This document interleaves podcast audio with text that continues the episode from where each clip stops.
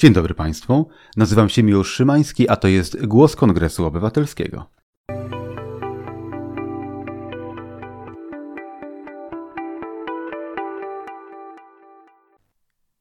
Dziś opowiem Państwu o budowaniu soft power poprzez eksport kultury. I tak, opowiem Państwu, gdyż dziś występuję solo, a mówić będę o tekście, który sam napisałem. Konkretniej chodzi o tekst pod tytułem Budowanie soft power przez popkulturę, który jest oczywiście częścią publikacji pod tytułem Nowa era globalizacji, co nas czeka, jakie szanse dla Polski, która wyszła w ramach pomorskiego Finkletera, a konkretniej numeru czwartego tegorocznego pomorskiego Finkletera. Jest to kwartalnik idei, można powiedzieć, dostępny do pobrania bezpłatnie ze stron Kongresu Obywatelskiego kongresobywatelski.pl, Górna Belka, Pomorski Finkleter i tam można ją pobrać. Co do samego eksportu kultury popularnej, to nie jest chyba dla nikogo tajemnicą, że budowanie soft power w ten sposób jest potężnym narzędziem. Każdy człowiek właściwie na świecie, który widział choć kilka filmów w życiu, na pewno widział jakiś film, który powstał w Hollywood. Jest to najbardziej skrajny przykład eksportu kultury, gdyż Hollywood zaliczyło największy sukces i kino amerykańskie jest pod wieloma względami wyznacznikiem tak zwanego kina światowego. W dużej mierze kino amerykańskie ukształtowało kino światowe, a jak wiemy, filmy w pewnym sensie i do pewnego stopnia kształtują nasz świat, naszą świadomość, a więc można śmiało powiedzieć, że amerykańskie kino jest jednym z najpotężniejszych instrumentów amerykańskiego wpływu na świat. Weźmy na przykład jeansy, spopularyzowane w dużej mierze poprzez amerykańską kinematografię, nie stałyby się najpopularniejszym rodzajem spodni na świecie, gdyby nie kowboje. Patrząc z innej strony, jest raczej niewielka szansa, żeby przeciętny Polak, przeciętna Polka spotkali się jakoś bliżej z kulturą Meksyku, gdyby nie legendarny serial Esmeralda. W ogóle kinematografię południowoamerykańską w dużej mierze znamy tylko dlatego, że seriale południowoamerykańskie, tak zwane telenowele, były niezwykle popularne w Polsce 20-30 lat temu, podobnie jak jeszcze niedawno niezwykle popularne w Polsce były seriale tureckie. A seriale tureckie są w tej chwili najchętniej oglądanymi serialami w bardzo wielu krajach świata, szczególnie w krajach muzułmańskich. I to z uwagi na to, że po pierwsze są one zrobione technicznie dobrze, e, są one finansowane, że tak powiem, na bogato, to raz, a dwa, że rodzaj ekspresji w tych serialach trafia w szczególny rodzaj wrażliwości krajów o podobnej kulturze, co w dużej mierze oznacza kraje bliskowschodnie, kraje muzułmańskie, kraje północnej Afryki czy zachodniej Azji. Turcy doskonale sobie z tego zdają sprawę i bardzo chętnie robią właśnie tego typu towar, który jest chętnie konsumowany w bliskich im krajach. Podobną rolę we wschodniej Azji e, pełnią seriale koreańskie, znaczy południowo-koreańskie oczywiście, które to też odpowiadają na szczególny rodzaj wrażliwości mieszkańców południowej, południowo-wschodniej Azji, która to świetnie do nich trafia i doskonale się te seriale sprzedają, także dlatego, że są robione, jak już mówiłem przy okazji Turcji, na bogato. Jednakowoż ja w moim tekście pochyliłem się bardziej nad muzyką, gdyż muzyka jest mi zdecydowanie bliższa niż seriale. Jeśli chodzi o eksport muzyki, no to znów Stany Zjednoczone są tutaj potęgą światową, podobnie jak potęgą światową jest znów Korea, która eksportuje swój K-pop na cały świat, między innymi dlatego, że jest to produkt, można powiedzieć, technicznie doskonały, ale także dlatego, że jest to produkt, który zawiera taki rys, taki posmak koreański z jednej strony, ale z drugiej strony jest to dobrze wszystkim znany plastikowy pop, który wpada w ucho i ciężko z tej głowy potem wychodzi. Na tej samej zasadzie potęgą muzyczną może być Szwecja. Jeżeli ktoś nigdy nie był w Szwecji, nic nie wie o Szwecji, to spora jest jednakowo szansa, że słyszał o Abbie. Oczywiście dziś ABBA nie jest e, na tym poziomie popularności, na jakim była w latach 80. na przykład, natomiast w owym czasie, jeżeli ktoś słyszał o Szwecji, to pierwszym jego skojarzeniem z dużą dozą prawdopodobieństwa była właśnie ABBA. A jeżeli chodzi o eksport polskiej muzyki w świat, to nie musimy czuć kompleksów pod tym względem. Są tacy ludzie, jak na przykład Wojciech Kilary, jak Jan Kaczmarek, jak Krzysztof Penderecki, którzy komponowali muzykę do najwybitniejszych e, współczesnych filmów, dla najwybitniejszych reżyserów, wielkich hollywoodzkich produkcji. Każdy, kto oglądał Lśnienie, no, mógł właśnie posłuchać muzyki Krzysztofa Pendereckiego. Przy czym warto zauważyć, że ta muzyka była podpisana w napisach końcowych, których za bardzo nikt nie czyta. Jeżeli ktoś się bardzo zainteresował, to bardzo łatwo mógł sprawdzić, kto był autorem muzyki tego filmu, dowiedzieć, że był to Krzysztof Penderecki i zagłębić się w jego twórczość. Podobnie dla wielu smakoszy wyznacznikiem w ogóle konkursów fortepianowych jest konkurs Chopinowski, który systematycznie ściąga do Polski na występy najlepszych młodych pianistów na świecie. I to wspaniale. Tylko ilu ludzi, jaki odsetek społeczeństwa słucha muzyki poważnej? Raczej niewielki. Jak się ma nawet połączona twórczość Fryderyka Chopina, e, Krzysztofa Pendereckiego, Jana Kaczmarka, Wojciecha Kilara do Luisa Fonsi, autora hitu Despacito? No słabo się ma. Luis Fonsi, który reprezentuje Puerto Rico, które no, nie jest niepodległym krajem, ale ma pewną osobną tożsamość w ramach Stanów Zjednoczonych, zaliczył hit Despacito właśnie, który pomijając jego artystyczną wartość, dotarł przez tylko i wyłącznie oficjalny jego kanał na YouTube do 8 miliardów ludzi. Znaczy, utwór Despacito w, na kanale Luisa Fonsi ma na YouTubie więcej wyświetleń niż mieszka ludzi na Ziemi. Jest to jedyny taki utwór na świecie. Parę lat wcześniej podobną furorę zrobił mm, pan Psy, który nagrał hit pod tytułem Gangnam Style, 4,5 miliarda wyświetleń aktualnie. Przy okazji był to pierwszy utwór, który zaliczył miliard wyświetleń na YouTubie w historii świata. No i wspaniale. Południowa Korea może się poszczycić e, Psajem, Puerto Rico może się poszczycić Luisem Fonsi, mimo że on w Puerto Rico już od dawna nie mieszka. W każdym razie sam fakt, że Luis Fonsi nagrał swój kawałek i oczywiście teledysk do niego na swojej rodzinnej wyspie, że jest on po hiszpańsku, już powoduje, że dla bardzo wielu ludzi Puerto Rico zaczyna się z czymś kojarzyć. Dla bardzo wielu ludzi rozumiem przez to te setki milionów, czy nawet więcej, które kiedykolwiek słyszały. To Despacito, jakkolwiek nie jest to jakby moja ulubiona muzyka, powoduje, że Puerto Rico z czymś mi się kojarzy.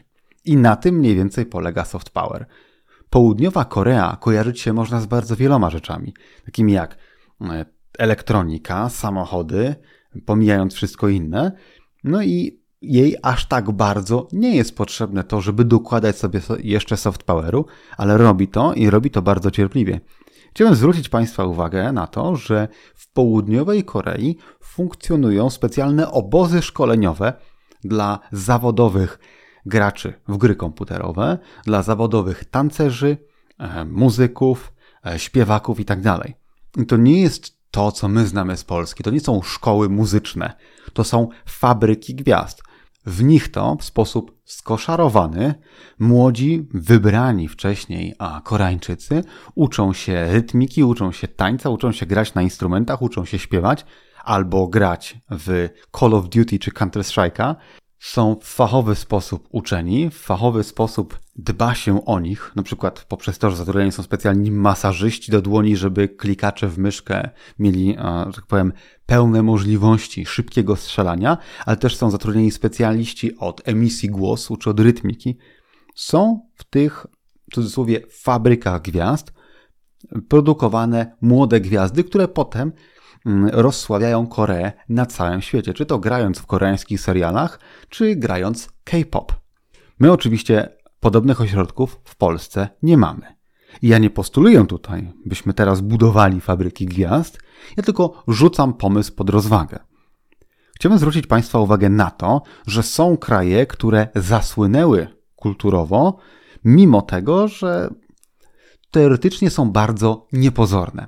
Ja tu już nie mówię o Puerto Rico, ponieważ ono wypuściło bardzo wiele gwiazd. Wcześniej był Ricky Martin czy Jennifer Lopez.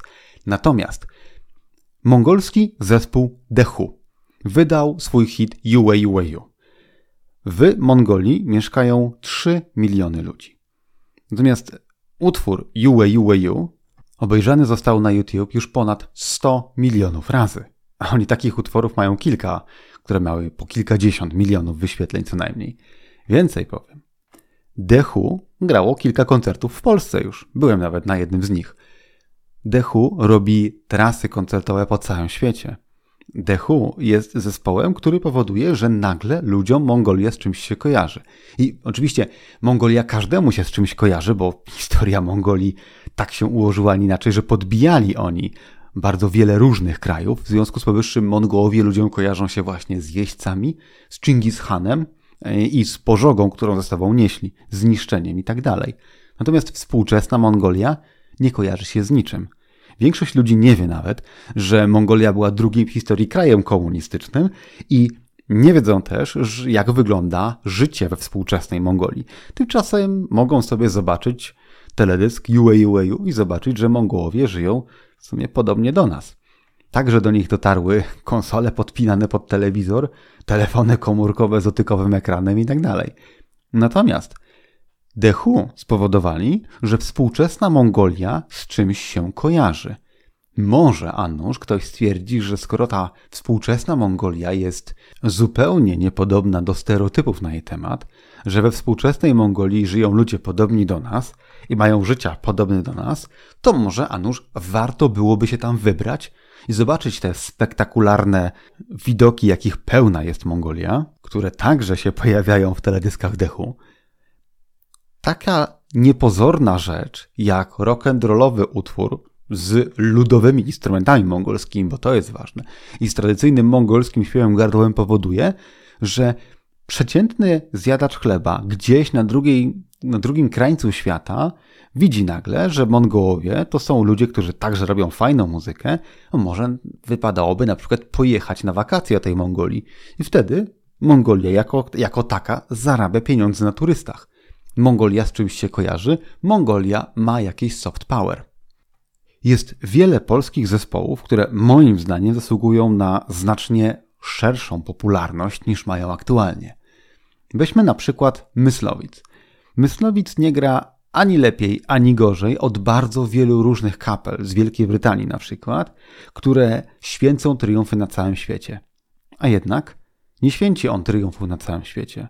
Może mierząc siły na zamiary, nie porównujmy e, Myslowic do The Arctic Monkeys na przykład, e, a porównajmy ich do łotewskiego zespołu Brainstorm.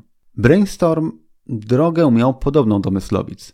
Na początku nagrywali w ojczystym języku, to jest po łotewsku, e, Zrobili furorę swoim małym, lokalnym łotewskim rynku, następnie zaczęli nagrywać płyty po angielsku, i stali się sławni. Oczywiście nie jest to sława na poziomie Psy albo Luisa Fonsi, ale były takie czasy, że Brainstorm pojawiało się w MTV i to nie tylko w Polsce, jako jeden z wielu indie rockowych zespołów, co do którego dopiero z czasem się dowiedziałem, że nie jest on zespołem brytyjskim, ponieważ grali tak samo jak Brytyjczycy, a jest zespołem łotewskim. Tu zwróćcie Państwo uwagę, że sam fakt, że powiedziałem, że nie grali tak zespoły brytyjskie, już sugeruje, że brytyjskie soft power jest całkiem potężne, że to w muzyce rockowej, nie od dziś zresztą, są oni pewnym wyznacznikiem trendów. No i Brainstorm się pod te trendy podpieli i podpieli się bardzo dobrze. Podobnie jak oni grało przecież Myslowic. Tylko dlaczego Myslowic nie zrobiło kariery? Wydaje mi się, znaczy kariery na świecie oczywiście, bo w Polsce zrobili oszałamiającą karierę, Wydaje mi się, że bierze się to stąd, że Brainstorm, kiedy nagrywali utwory po angielsku, to oni je pisali, tworzyli i wymyślali od razu jako utwory po angielsku. Natomiast Myslowic nagrało świetną zresztą płytę Krowa Milky Bar, a następnie zrobili jej wersję angielską. Była to płyta z utworami napisanymi i wymyślonymi po polsku, a do wersji angielskiej po prostu przetłumaczono tekst i w tej samej aranżacji zostało to zagrane. To też powoduje, że jeżeli przetłumaczy się z języka polskiego na język angielski utwór, on zawsze coś straci. I wydaje mi się, że to, co te utwory straciły, to jest ta iskierka, której, która powoduje, że ludzie chcą tego słuchać. W związku z tym Myslowic robiło świetną muzykę, świetnie się ona sprzedawała w Polsce, do dzisiaj jest ona słuchana, ale nie udało się tego przeszczepić na język angielski. Przykłady można by mnożyć, ale efekt zbiorczy jest taki, że polska kultura masowa, która trafiałaby do milionów ludzi na całym świecie, po to, żeby mieli oni jakieś skojarzenia z Polską, żeby budować nasze soft power, radzi sobie umiarkowanie. Polska muzyka popularna nie jest słuchana w świecie. Nie tylko dlatego, że język polski jest mało popularny w świecie i mało kto się go uczy, aczkolwiek można by tu użyć znów argumentu z dechu, które przecież gra po mongolsku i ludzie tego słuchają. No może chodzi o to, że mongolski w wykonaniu dechu, oni grają tym. W sensie, oni specjalnie grają po mongolsku, to zostało od początku do końca wymyślone jako zespół na wskroś mongolski, który gra po mongolsku. Podobnie jak od początku do końca muzycy zespołu Rammstein postanowili grać konwencją i wpleść język niemiecki w swój przekaz. Oni celowo grają po niemiecku, bo to im pasuje do dużego, spójnego przekazu. Z uwagi na swoją fonetykę, język niemiecki po prostu świetnie pasuje do mocnego, kwadratowego grania y, mu ciężkiej muzyki gitarowej połączonej z elektroniką. Zostało to zrobione z pomysłem i to po prostu działa. Nie mogło nie działać, bo Rammstein gra zbyt dobrą muzykę, żeby ona mogła nie działać. Więc rodzi się pytanie, czy są jakiekolwiek przykłady pozytywne? Czy Polska wyprodukowała z siebie jakichś artystów, którzy są znani szerszej społeczności?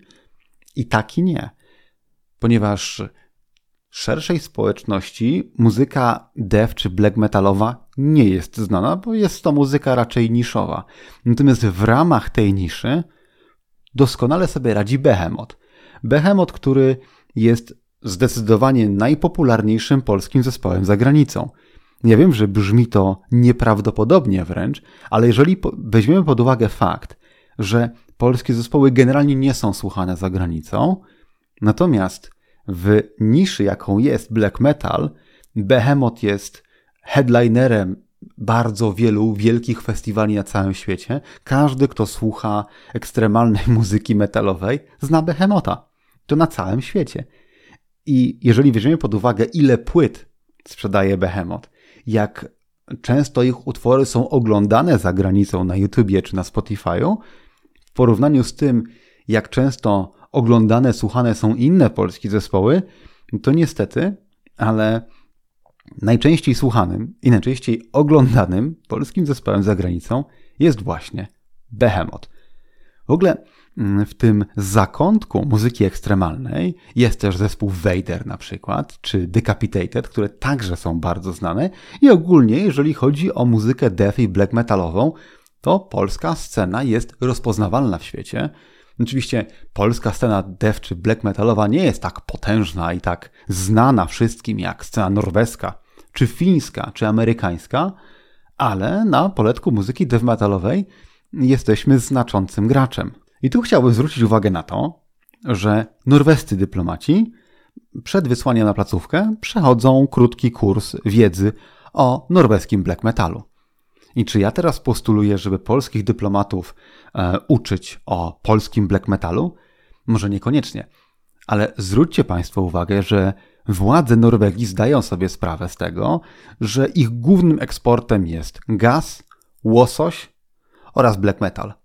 A skoro jest to eksportem, skoro eksport ekstremalnej muzyki powoduje, że Norwegia jest rozpoznawalna w świecie, jeżeli powoduje, że ludzie z czymś Norwegię kojarzą, jeżeli buduje norweskie soft power, to dyplomata, który reprezentuje kraj, musi znać wszystkie aspekty soft power swojego kraju i musi także chociaż trochę orientować się w tym, jak wygląda norweski black metal, jak wygląda ta scena i z czym Norwegia kojarzona jest za granicą.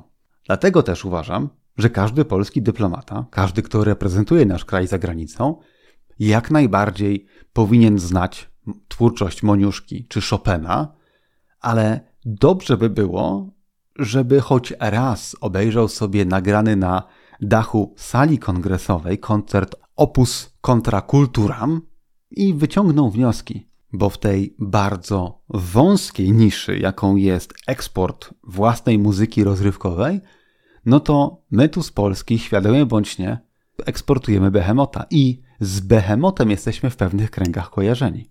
Dobrze by było, żeby polski rock and roll, polski pop, polska elektronika, polski rap także były szeroko kojarzone w świecie. No ale póki co tak nie jest. Póki co, jeżeli chodzi o eksport polskiego soft power, to kojarzeni jesteśmy tylko w kręgach dev i black metalowych. Dobrze by było więc, żeby polscy artyści tworzący muzykę przyjrzeli się uważniej twórczości Behemota, ale też Vadera czy Decapitated i wyciągnęli wnioski. Dlaczego muzyka ekstremalna polska jest słuchana za granicą, a inna niekoniecznie. I ja także Państwu zostawiam to pod rozwagę. Tymczasem dziękuję pięknie za uwagę. Do usłyszenia.